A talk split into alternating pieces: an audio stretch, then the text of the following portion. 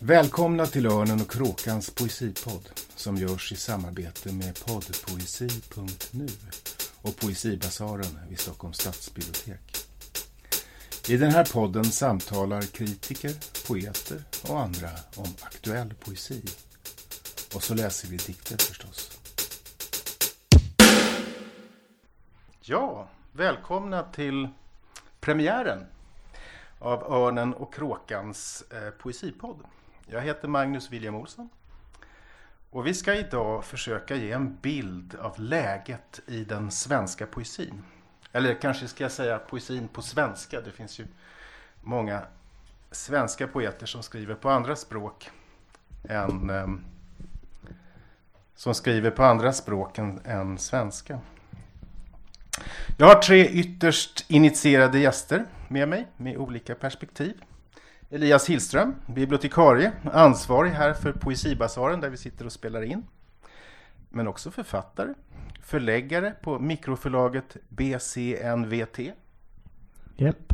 Bläck, charm, nostalgi, vassa tänder. Det stämmer, det stämmer. Det är coolt. Eh, Med oss har vi också en av redaktörerna på poddpoesi.nu, Ludvig Köhler. Den andra redaktören, Hanna Stjernfeldt, kunde tyvärr inte komma idag. Hon kanske kommer vara med någon annan gång på podden. Ludvig, du är poet, Ja, eller hur? I den kanske, ska vi säga den nyaste generationen? ja, eller näst nyast. Kanske näst nyaste, vi pratar ibland om det. Ehm, eh, ibland så har det kallats för en internetgeneration och ni har liknats vid allt poesin i USA och sådär. Ja, Men det kanske vi ska återkomma till. Det är ett tricky, tricky ämne. det låter bra. Okej. Och så har vi Madeleine Levi här, som ju är... Hej Madeleine! Hej! Eh, du är ju numera litteraturredaktör på Svenska Dagbladet. Ja. Eller hur? Stämmer bra. Just det. Jag har bett dessa eminenta gäster att välja varsina två dikter från poddpoesi.nu. Som ju är en sajt där man streamat och gratis kan lyssna på poeter som läser sina dikter. Och utifrån dessa dikter ska vi, som alltså de, mina tre gäster har valt, så ska vi liksom, vad ska jag säga, metonymiskt eh, samtala om den samtida poesin på svenska.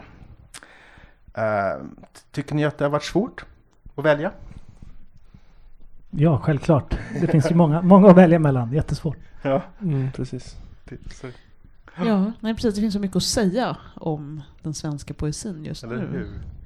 Eh, Men det är roligt att välja också. Därför Ja. att man blir medveten om hur mycket bra det finns och hur mycket spännande det finns. Ja, det ska bli superspännande att höra på era, era val. Och det är det som är lite svårt. Är väl om man, man väljer en så ska den stå som representant för ett nuläge eller någonting. Men, men det gör det ju. Men det blir Men vi, bara får en, försöka, vi får försöka liksom sprida ut det på Ja, något sätt absolut. när vi, i, i kommentarerna. Jag ska för att eh, liksom nyansera det där lite grann så tänkte jag göra en liten introduktion. Eh, för att liksom skissa upp fältet, en liten bakgrund kan man säga. Eh, poesins ställning i Sverige är stark. Eh, det måste man säga. 18 procent av all publicerad skönlitteratur är faktiskt poesi. Det är en femtedel nästan. Det är imponerande. Eh, och det gäller bara böcker. Eh, också på nätet så publiceras det ju jättemycket. Eh, helt enkelt i olika fora och så. Men vad det gäller bokutgivningen så har digitaliseringen gjort att poesin långsamt migrerat från de stora kommersiella förlagen till de små och semiprofessionella. Det är ingen entydig utveckling. Några stora förlag håller verkligen ställningarna vad det gäller poesiutgivning. Även om eh, försäljningen uppriktigt sagt är rätt erbarmlig för alla, också för de stora förlagen. Och nya förlag uppstår hela tiden. Helt enkelt kanske därför att det är så pass billigt och lätt att producera böcker. Det händer kort sagt mycket på poesifältet och på poesimarknaden. 2017 har haft en mäktig start tycker jag. Faktiskt. Både på stora och små förlag. På Miders förlag kom till exempel Susanne Wilhelmssons eh, intressanta Hortulus på Black Island Books debuterade Gunnar Strandberg med en sorgsen och vacker samling som heter Växtsorg djursång. Djursorg. Norstedts har redan gett ut tre poeter. Kjell Esmark med en samling dramatiska monologer. Eh, på hans speciella sätt. Han skiljer sig lite grann i sitt, i sitt användande av den här formen.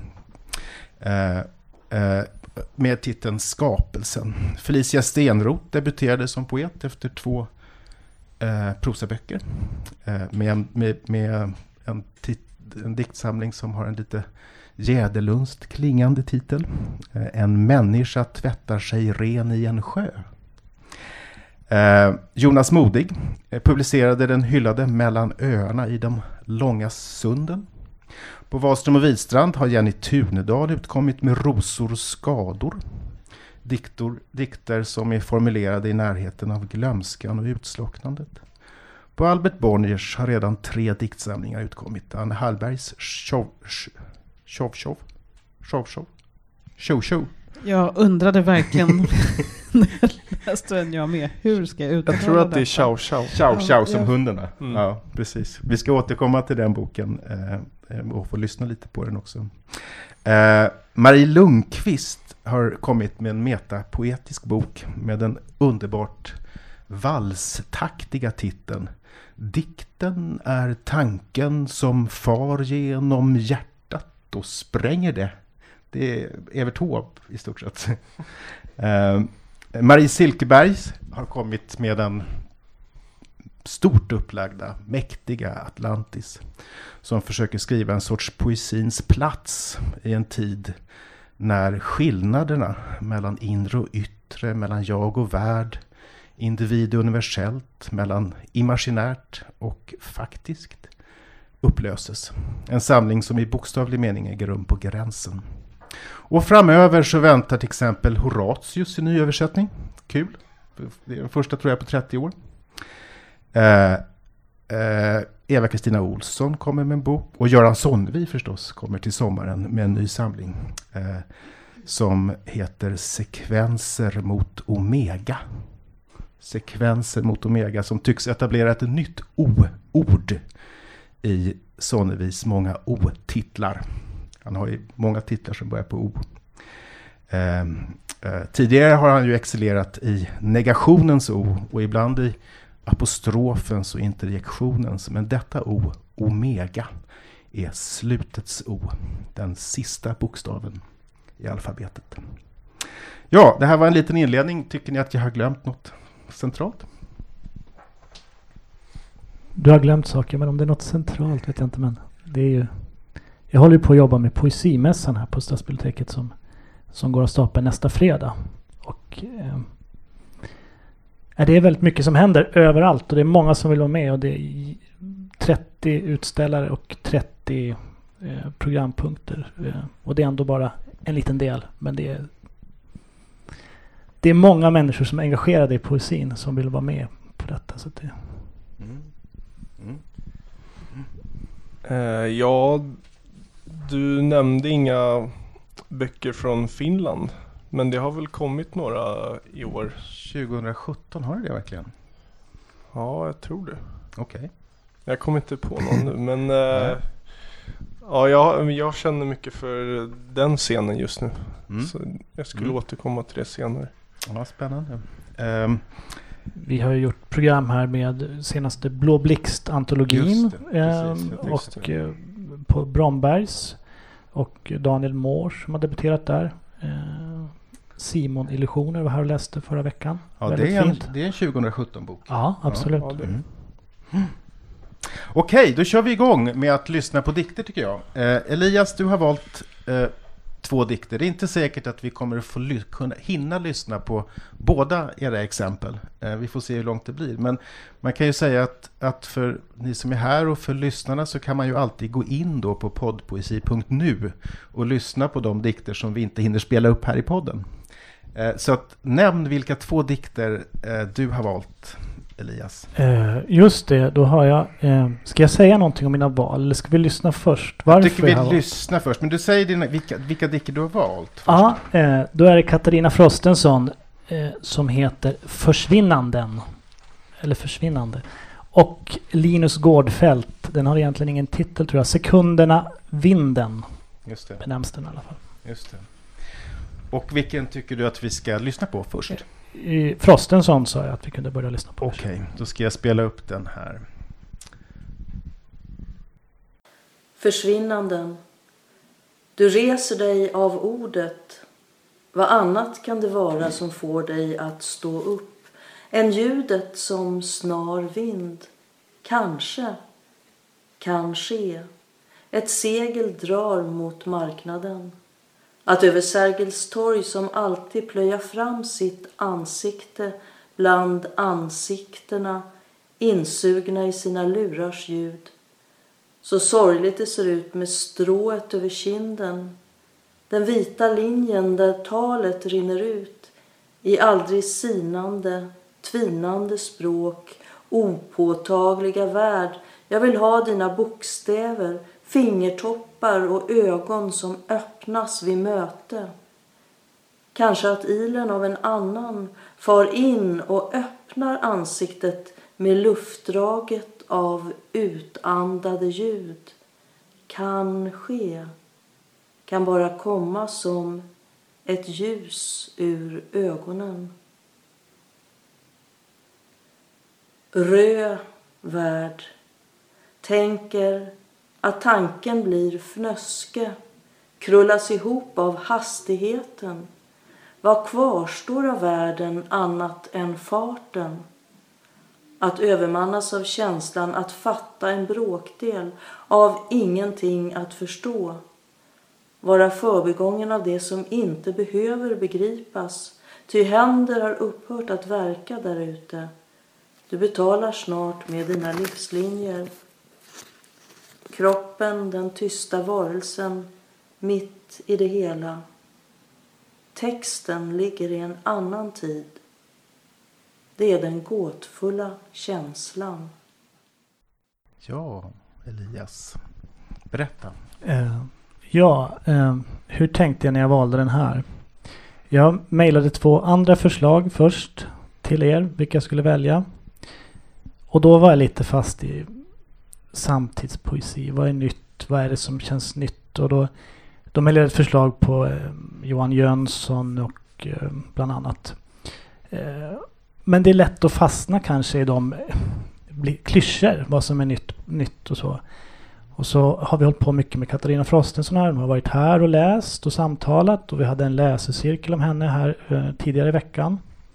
Så det kändes det aktuellt. Jag tycker verkligen om den här dikten.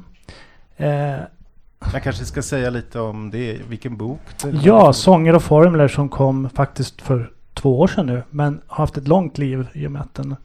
Jag vet inte, det känns som att den har fortsatt att hitta sina läsare sedan den kom. Fick väl Nordiska rådets pris till exempel, vilket väl lyfte den på nytt sådär förra Just året. Mm. Och hon var här och läste då när hon tog emot, eller tog emot det priset här, eller i anslutning till det.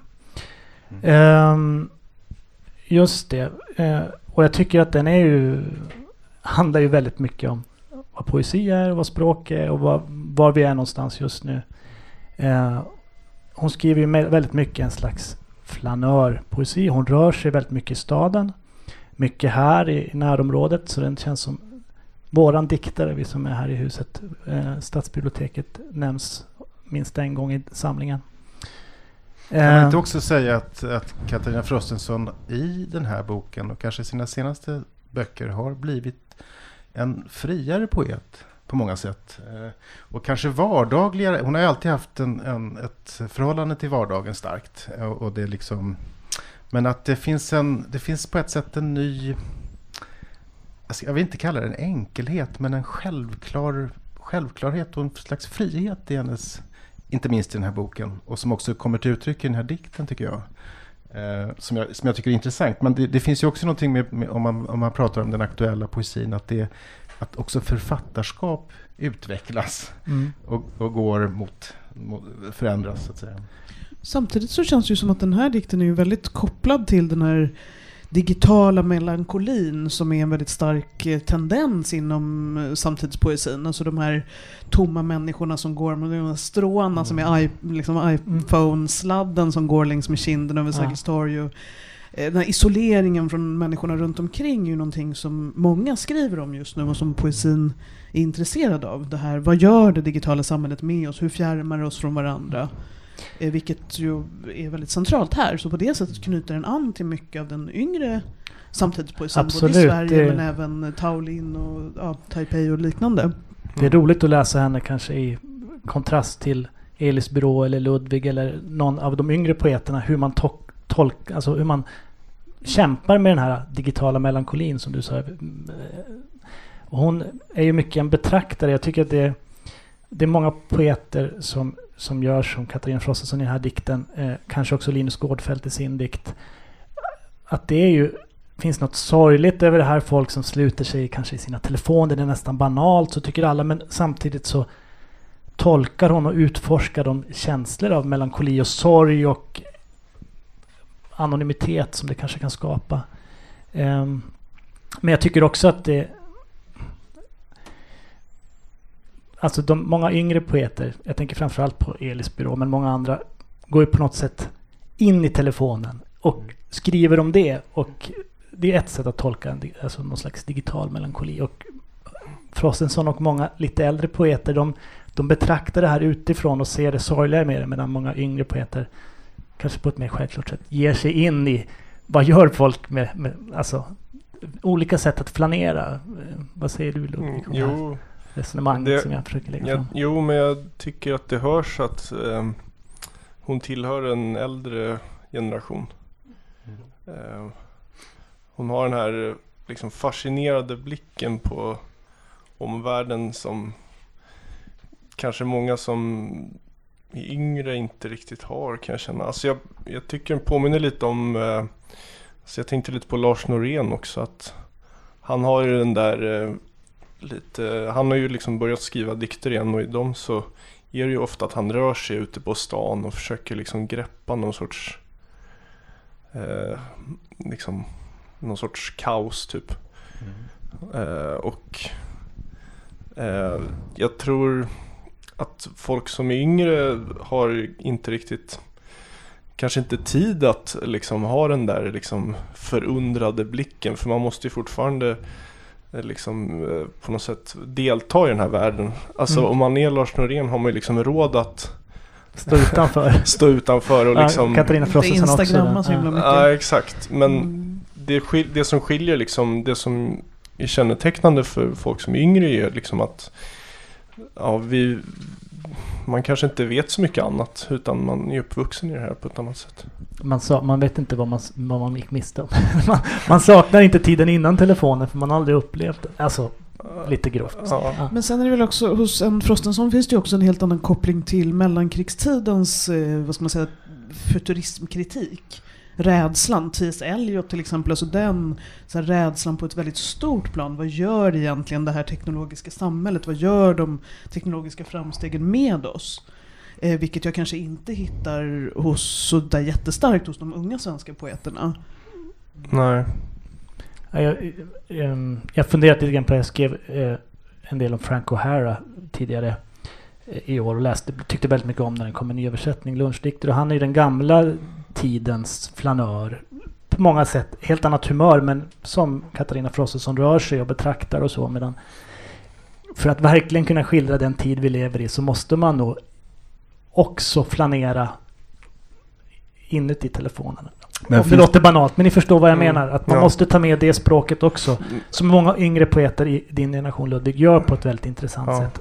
finns det inte också här en, eh, ett förhållande till det tidskritiska som eh, handlar om att skriva om tiden eller att skriva ur tiden som ambition. Jag menar Katarina Frostensons dikter är ju som du sa Elias ganska starkt. Hennes perspektiv är eh, flanörens, eh, en marginell position som, som omtalar tiden. Också Lars Noréns Mm. eh, får man säga att det är, en, det är en tid, en, liksom ett förhållande till exempel till det digitala som, som fenomen eller så. Eh, Medan då det finns andra ambitioner hos en Elis byrå till exempel eh, och kanske också jag vet inte om man ska säga hos dig Ludvig, men, men eh, för att det är lite annorlunda tror jag. Men, men eh, som snarare handlar om att man är ett uttryck för tiden. Och det ansluter ju lite grann till det du sa Madeleine om, om, om efterkrigstidens förhållande till eh, vad ska vi säga, det nya.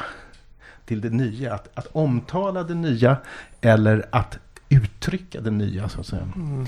Ja, men bo, det finns ju, alltså, båda rösterna är ju otroligt viktiga och man märker ju det att Frostenson har ju när vi har pratat om henne här på biblioteket så är det många tycker, som har tyckt att hon har varit svår. Jag har inte kunnat läsa henne men när de väl börjar läsa och speciellt senaste diktsamlingen, kanske de senaste, verkligen tar till sig hennes dikter och behöver dem och hon skildrar hur de uppfattar det att gå omkring i Stockholm idag och betrakta människor. Så att uh, hennes dikter är viktiga för många människor. Så Mm. att, Men det som jag tror förenar eh, till exempel Frostenson och eh, folk som är mycket yngre är väl att eh, det finns ett stort intresse för de här väldigt vardagliga platserna som ju ändå är väldigt laddade liksom. Alltså det finns så mycket historier liksom överallt. Alltså till exempel en 7-Eleven butik är ju liksom väldigt laddad om man är på det humöret eller jag ska säga. Och jag tror många försöker eh, liksom greppa de här olika berättelserna som finns överallt. Eh, Mm. och då blir det liksom väldigt effektivt att kanske bara röra sig i de här miljöerna. För det, det, i den här dikten är hon väl på Sergels torg om jag förstod det rätt. Mm. Ja, Precis. men, ja, men till exempel sådana rum då som är väldigt De blir väldigt tidstypiska för att de här platserna som är Där man inte behöver konsumera men de ligger liksom mellan alla de här affärerna och så. Det liksom uppstår ju någonting och det tror att Det är någonting som finns väldigt mycket i liksom internetpoesi eller vad man ska säga att man försöker hitta det här rummet mellan de här hemsidorna där man hela tiden måste göra saker och Mm. man försöker skapa någon sorts em, mening eller Mm. sammanhang. Men kommer vi inte där också tangera vid ett, ett eventuellt ämne för den här podden kanske som vi kan ta med oss i fortsatta lyssningar. Och det är vad slags plats är poesin som sådan för en samtidskritik? Det är ju Mm. också en, eh, alltså, är, vad är det poetiska för en slags diskursivt utrymme eller vad, vi- vad vi nu vill kalla det som, som gör det möjligt att till exempel inifrån nätet eller som här hos Katarina Frostenson alldeles utifrån reflektera och tänka över vad det samtida, det epokala i vår tid är på något sätt. Mm. Jag tänker, vi kanske ska lyssna på, på ditt val Madeleine, eh, som ju på ett sätt anknyter till det här. Eh, berätta, vad är det du har valt? Jag har ju då valt Anna Hallberg som vi tror eh, samlingen uttalas Ciao Ciao. Jag tror också att det var vad jag kom fram till. Eh, åtta kärlekssonetter. Just det. Vi lyssnar på de fyra första. Eh, så får vi se om vi hinner med de andra också.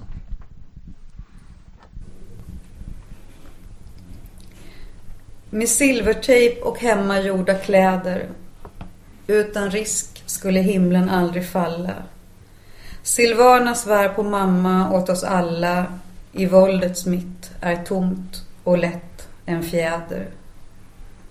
Att öppna för ett nytt slags vackert väder med blixt ur solen, värmen från det kalla.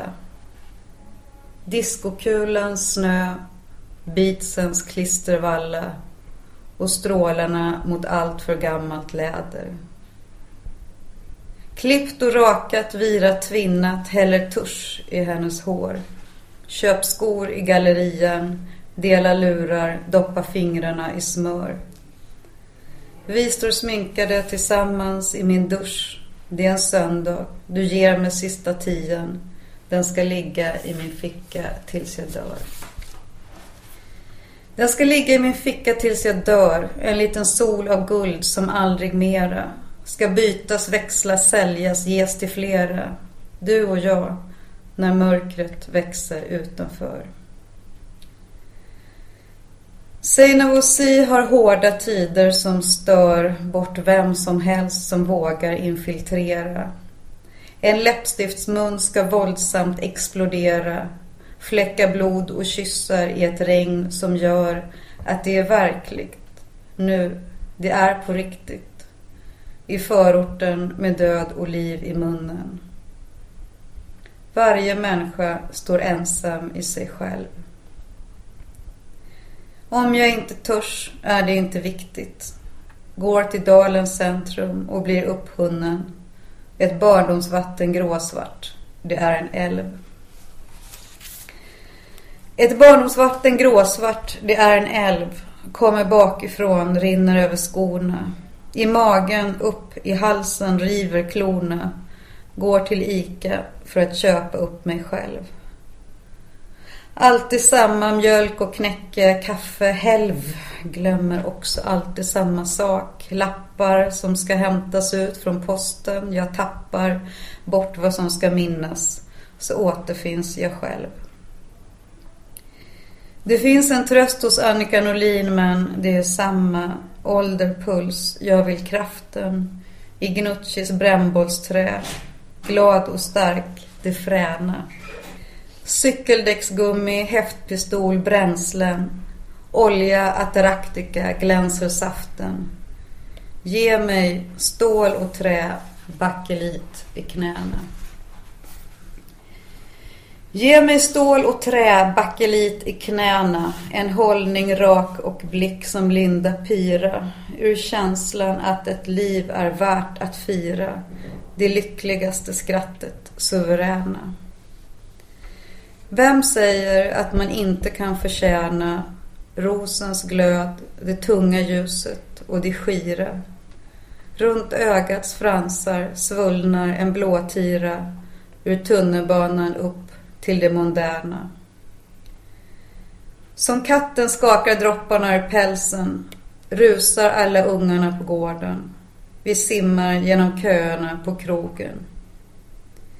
Det står en flicka lutad över rälsen. En mamma jobbar extra skift i vården. Ett glasspaket, en sked, en filt i skogen. Ja. Madeleine, berätta.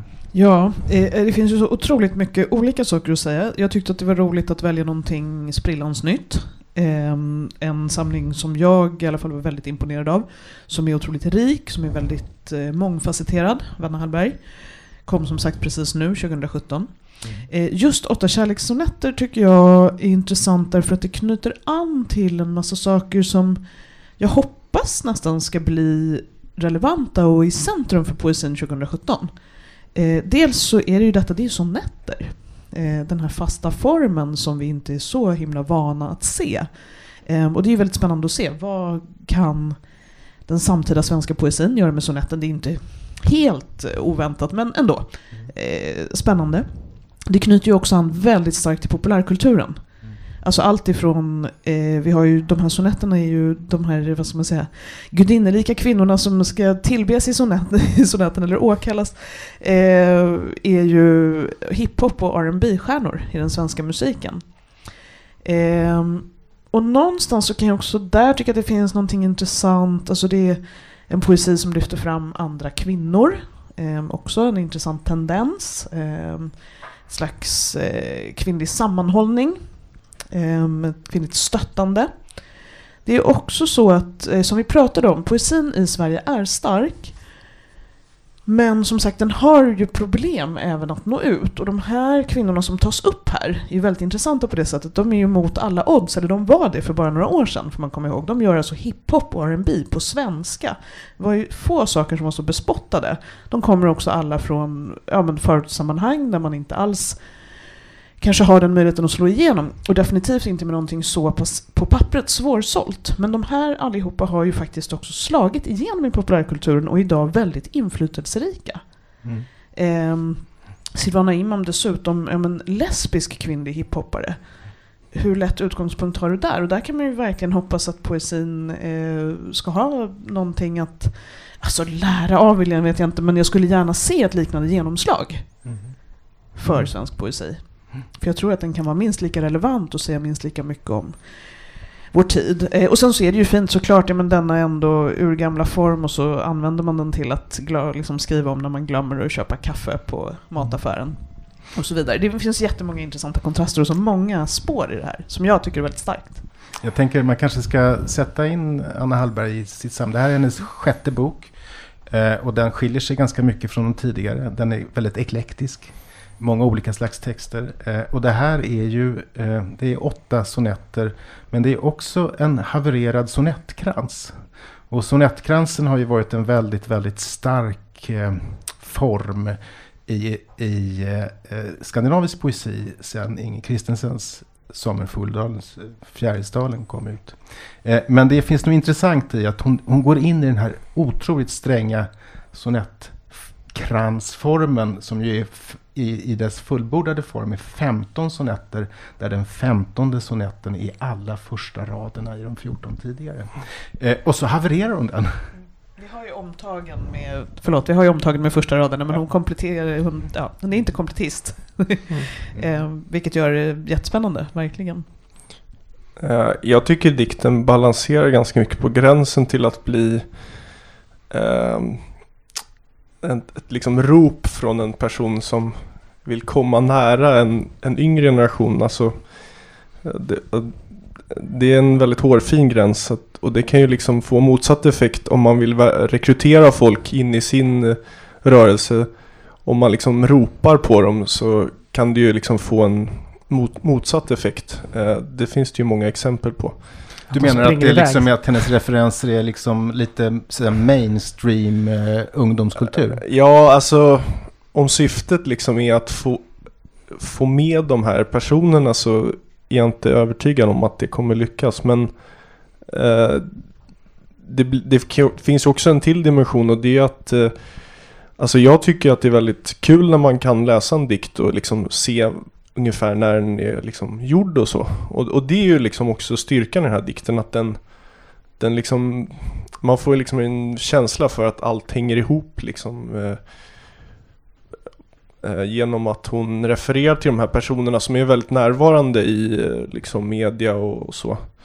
Eh, och det gör, det tycker jag är kanske ett mer intressant sätt att se på dikten. Är den här, får jag fråga bara, är den här uppdelningen mellan finkultur och populärkultur obsolet? Vis, vad säger den här dikten om liksom förhållandet mellan finkultur? Den är, det är ju på ett sätt ett sätt att, att, att liksom integrera eller, eller solidarisera sig med eller något med, eller, eller liksom skriva in sig i en populärkulturkontext utifrån den mest eh, poetiska av alla former mm. eh, på ett sätt. Men på sätt och vis så finns ju den, det är ju fortfarande det där, det är ju skämskudde och pinsamt med allt för finkulturella och för gamla personer som intresserar sig för den unga och hårda och rebelliska kulturen. Mm. Och det är ju fantastiskt tycker jag att någon vågar vara genant på det Alltså det är ju som så här, gifta så... människor som dansar liksom till hiphop. Det är mm. ju jättepinsamt och därför är det ju så fantastiskt att våga göra det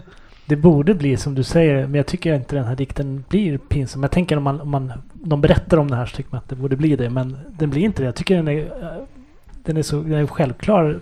Man får känslan att hon går omkring och lyssnar på de här i, på vägen till att handla eller någonting, har dem i lurarna. Den, den bilden får jag på de här artisterna.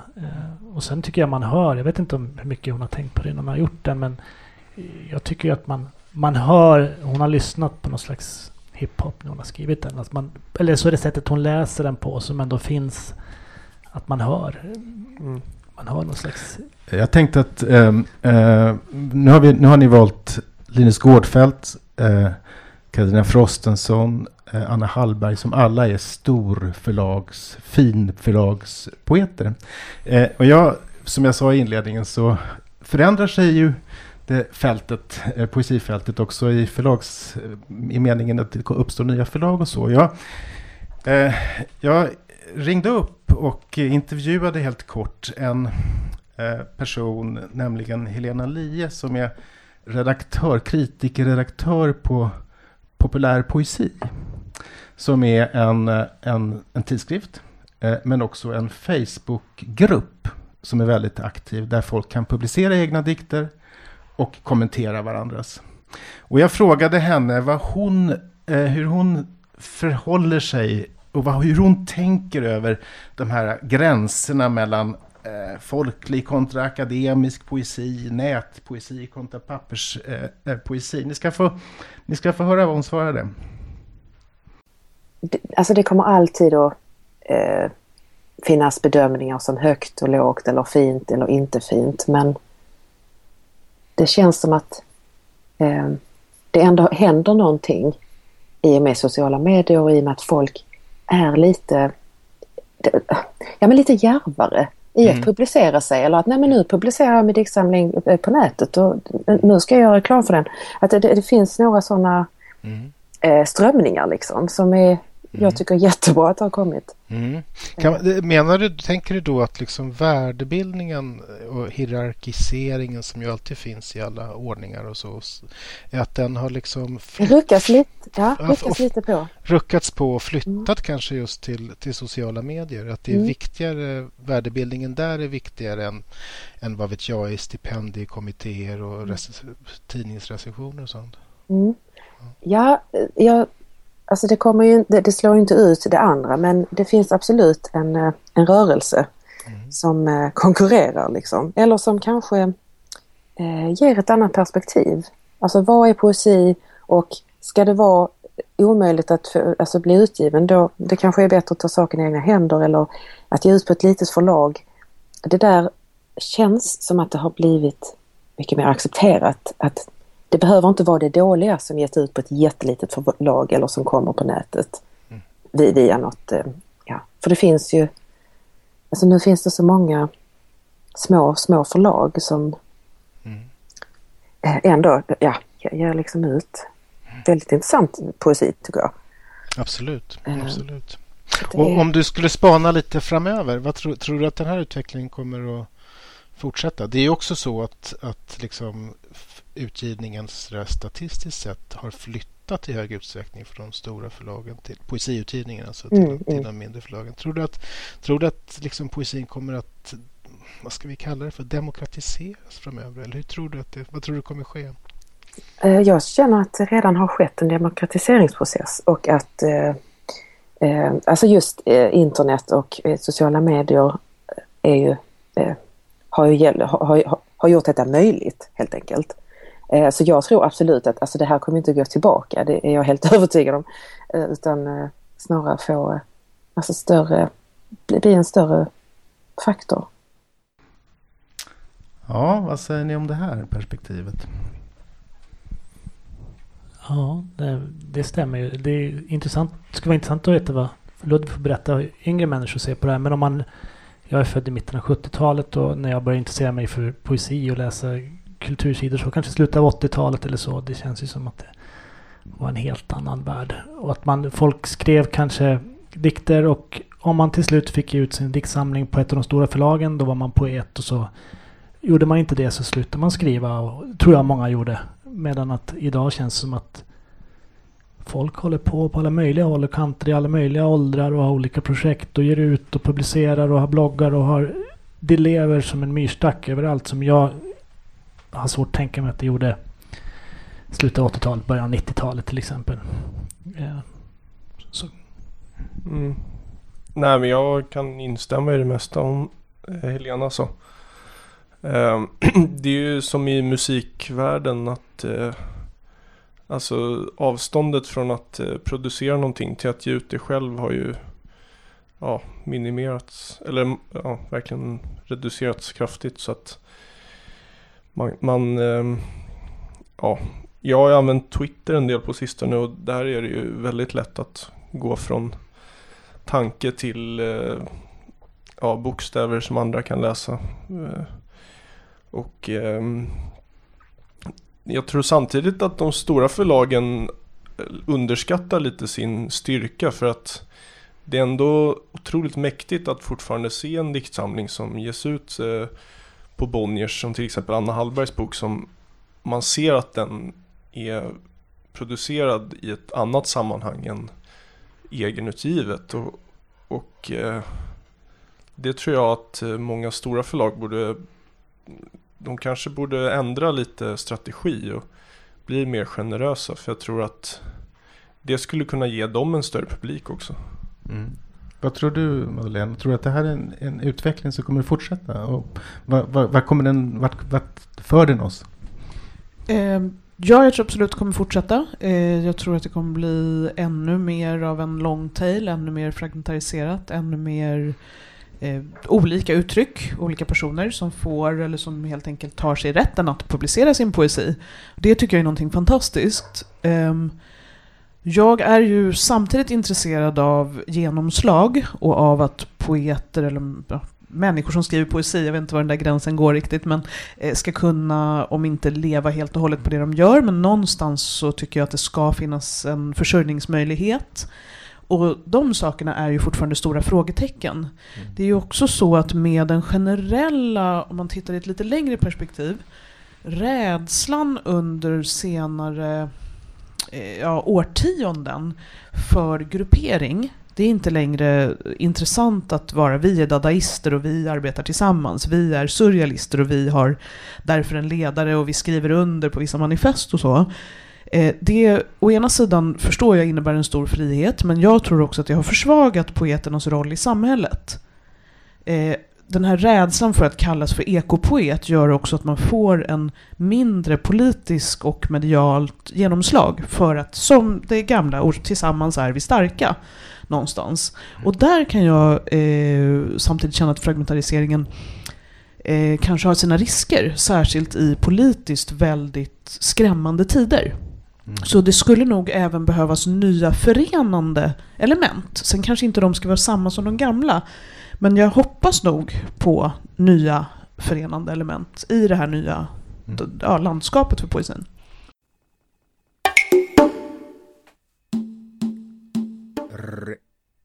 Reklam.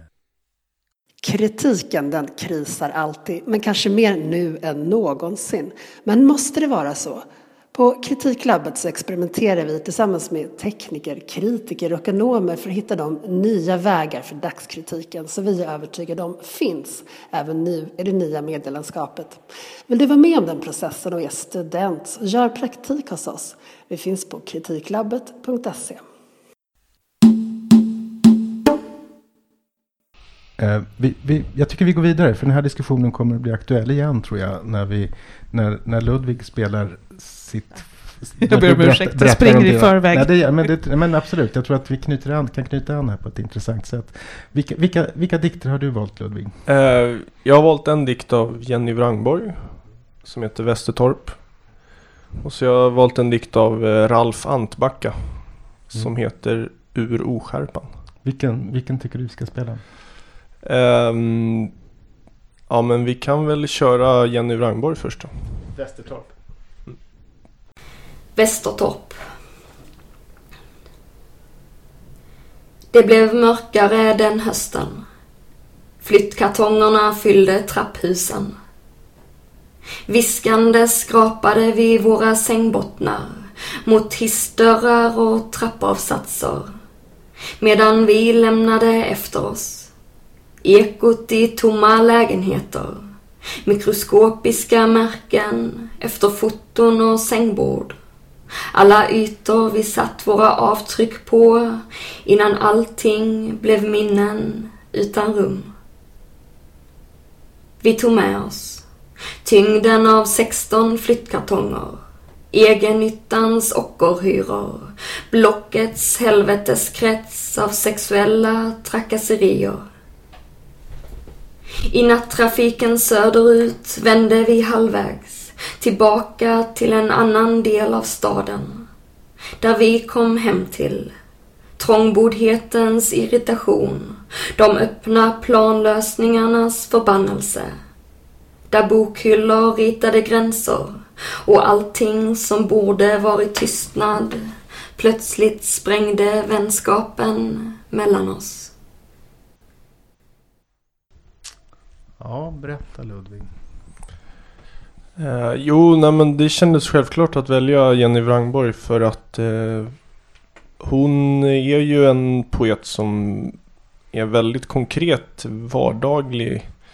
Men jag tycker också att hon alltid visar att eh, de här påtagliga liksom fysiska eller materiella förutsättningarna också finns andligt eller själsligt och att trångboddheten kanske inte bara handlar om hur man bor utan det kanske också är så att det, det är liksom hjärnan är trångbodd och att tankarna liksom inte de, ta, tankarna liksom får inte plats.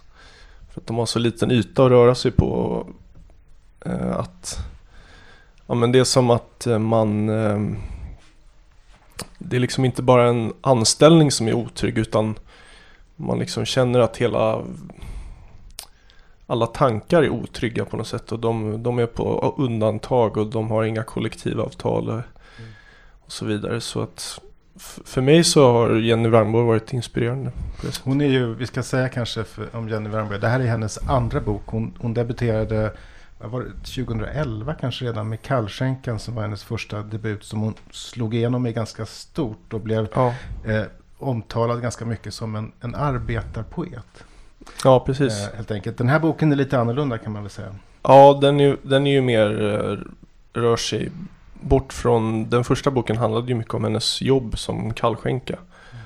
Och den här rör sig väl mer allmänt eh, i samhället och sådär. Mm.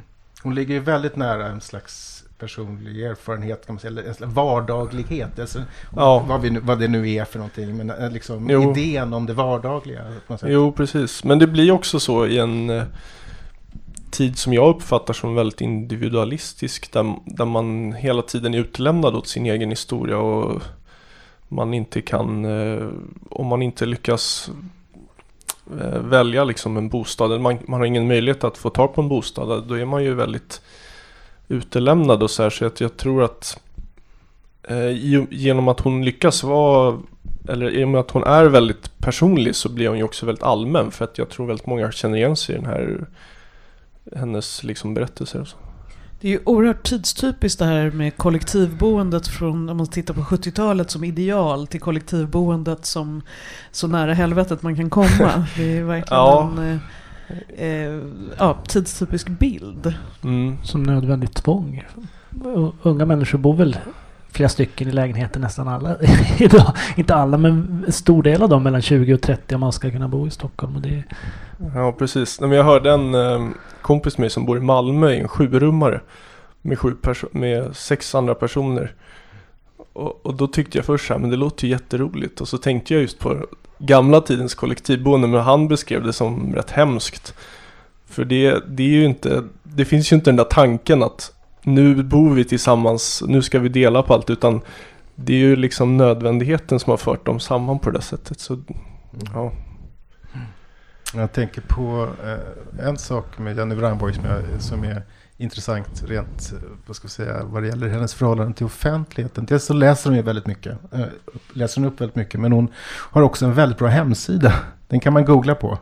Mm. Där man verkligen kan följa henne och där hon också lägger upp, eh, man kan lyssna på henne på poddpoesi förstås, men man kan också lyssna på henne där.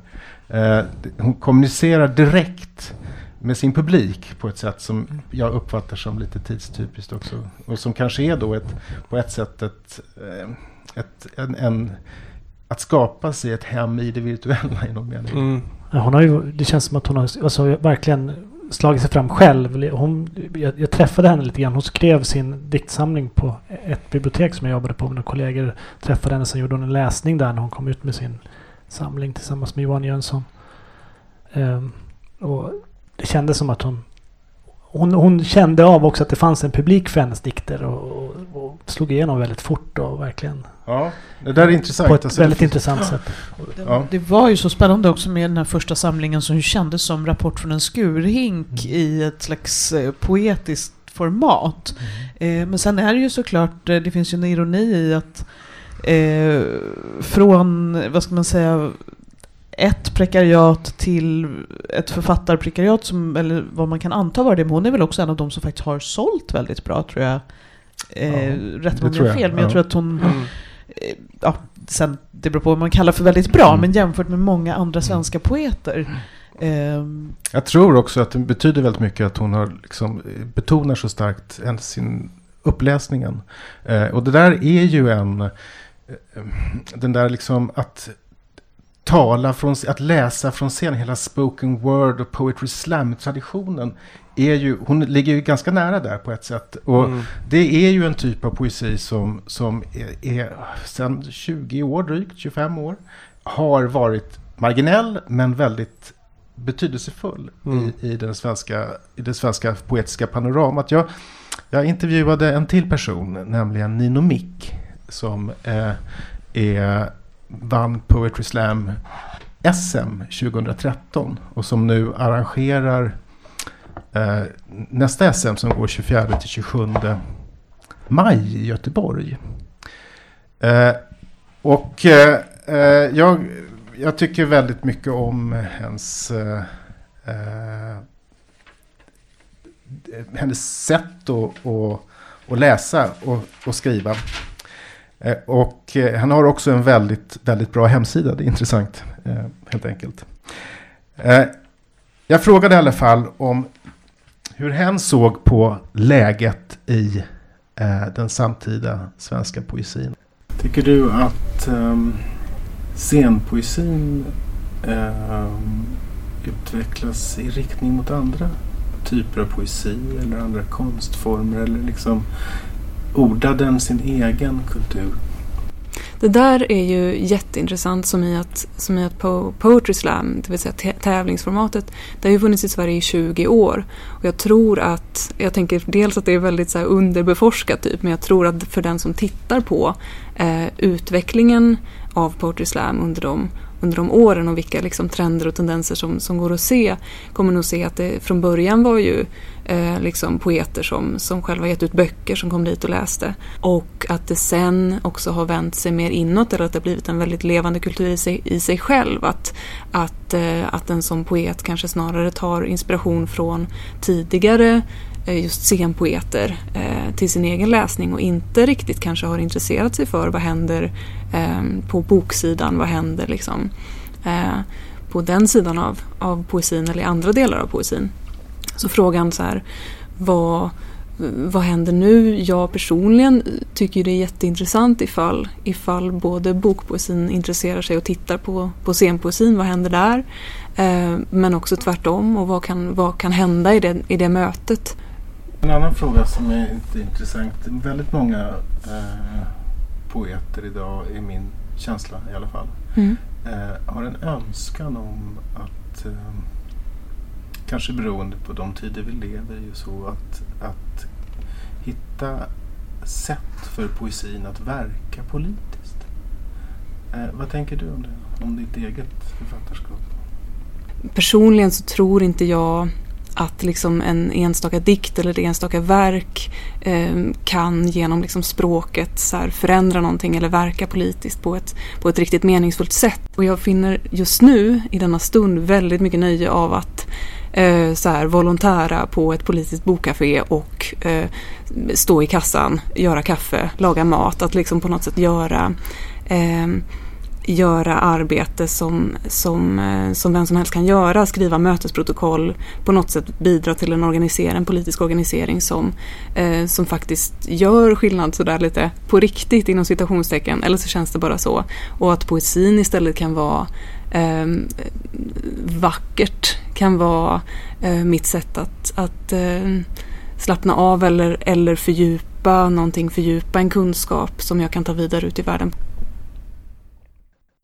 Ja, där, eh, för att anknyta till Jenny Wrangborg där och det politiska Mm. och tanken om det vardagliga eller att huruvida ens eget liv, ens vardagsliv kan göras politiskt genom poesin. Mm. Vad tänker ni om det?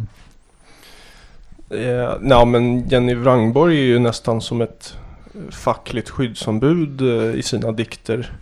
Så hon visar ju väldigt tydligt att det går att vara politisk och Men, men Nino säger ju att eh, det, det, det, är, det är ingen politisk verkan. Det är bättre att jobba på bokcafé och jobba ideellt på en politisk organisation. Om man vill göra politisk skillnad.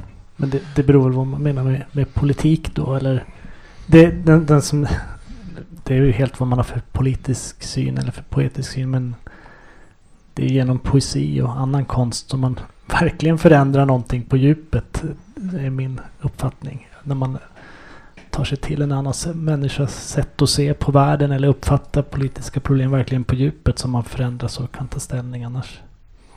Det andra är ju också viktigt men det är inte lika långtgående, lika djupgående mm. som poesi kan vara.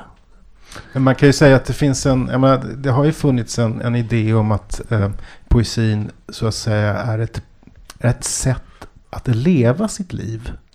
Eh, och ett sätt som då kanske både i, ja, i, om man tänker sig att repertoaren av livsmöjligheter i vårt samhälle är ganska begränsat. Alla måste låna pengar till, till bostad om man kan. Och man måste liksom jobba hårt och tjäna pengar och sånt där. Eh, och möjligheten att stiga av och bli en dropout eller sånt där är ganska begränsade i vår tid.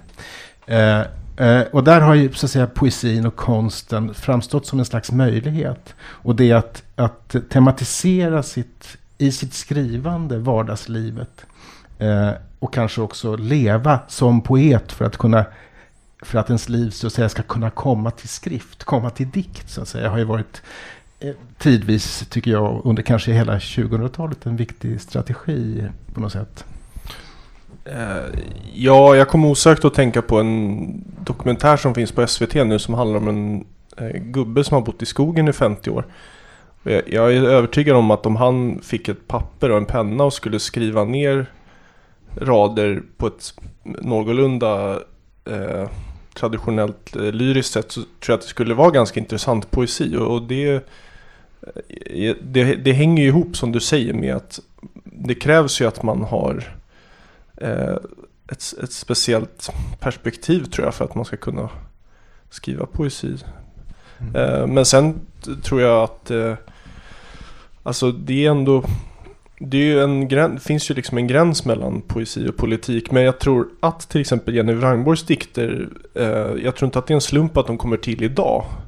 Eh, men, och jag tror att det är för att just ja, men livet faktiskt är ganska politiserat också. Att eh, eh saker som, alltså när man hör eh, kanske folk i din generation Magnus, om man var ung i Stockholm, då kunde man ju få tag på en bostad ganska enkelt. Och det var, det var inget projekt att liksom bara få någonstans att bo. Och eh, om man ska ha, få en bostad idag så blir det nästan som att man måste ta en massa ställningstaganden. Man måste så här bestämma sig för, ah, ska jag ha en bostadsrätt eller ska jag försöka fixa en hyresrätt? Och Alltså all, allt det här som kanske tidigare inte var som liksom big deal för många har ju blivit liksom en stor, man måste ha en arsenal av liksom argument för och emot och så. Då blir det också politiskt eh, automatiskt. Mm. Hörrni, vi har närmar oss slutet och vi ska avsluta med att välja en av de dikter som vi, ni inte, vi inte har spelat. Vi har Linus Gårdfeldt vi har Anna Hallbergs del 5 till 8 av sonetterna och vi har Ralf Antbackas dikt.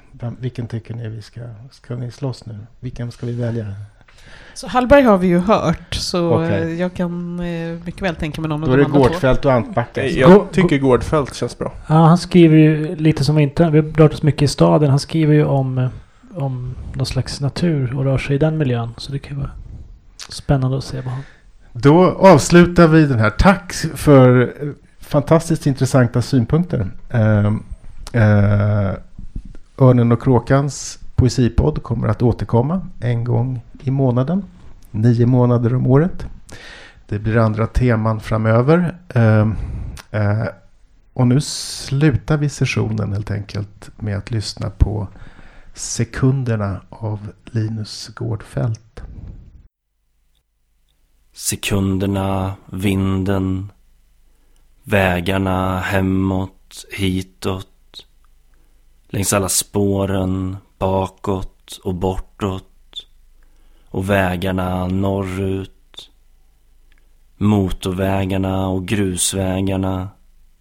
De allt längre avstånden mellan kropparna, tankarna att ta på sig en regnjacka och ge sig ut, ge sig av. Bland tallarna och termosen. Allt längre tillbaka i tiden. Genom de olika grenarna. De olika länderna. Alla slumpvisa händelser. Alla slumpvisa möten och människor. Deras tid och arbete. Framåt och neråt. Medan minnet avtar. Några röda löv som singlar. I det hastiga ljuset sedan borta. Allt arbete och allt slit. All outgrundlig slump som lett fram till just detta. Min mammas röst och min sons röst från rummet intill när jag skrev just detta. På våren med morgonsolen och de fortfarande kala träden utanför fönstret. På eftermiddagen hur gren fogas in i gren och grönskan väntar inuti grenarna längs gatorna där jag går med barnvagnen och pojken pekar. Där är en lyftkran. Där är en cykel. Och vi promenerar i parken. Pojkens stapplande steg över gräset. Titta ett löv. Titta, en häst. Och jag håller honom i handen i vårsolen. Och vi rör oss framåt, fortsätter under träden, i lägenheten. Flagnad färg faller från väggen i trapphuset och i huvudet. Och skuggan man alltid bär med sig allt man tar på sig i skuggan. Den starka vinden, den tvekande våren. Ett försiktigt grönt kring trädens konturer. Någon har pissat i det ena förrådet där vi har vår barnvagn. Jag sträcker mig åt alla håll i huvudet, försöker sortera alla saker. När klockan blir fyra cyklar jag hem och allting är grönt längs kyrkogården, gräsmattorna. Att försöka få grepp om något, att begripa var man har varit, vem man ska bli. Den här oron har färdats från andra platser, andra kroppar en visklek med ohörbara ord från öra till öra över enorma avstånd och flätat samman till en farled svept i dimma om natten med den gröna bojen, den röda bojen och det mörka vattnet alldeles stilla. Ett litet ansikte långt inne bland träden på den andra stranden lyser upp bladen och blåser genom håret håller händerna som en tratt framför munnen och blåser ut all längtan över landskapet. Du har lyssnat till Örnen och kråkans poesipodd. Läs mycket mer om aktuell poesi på ornenochkrakan.se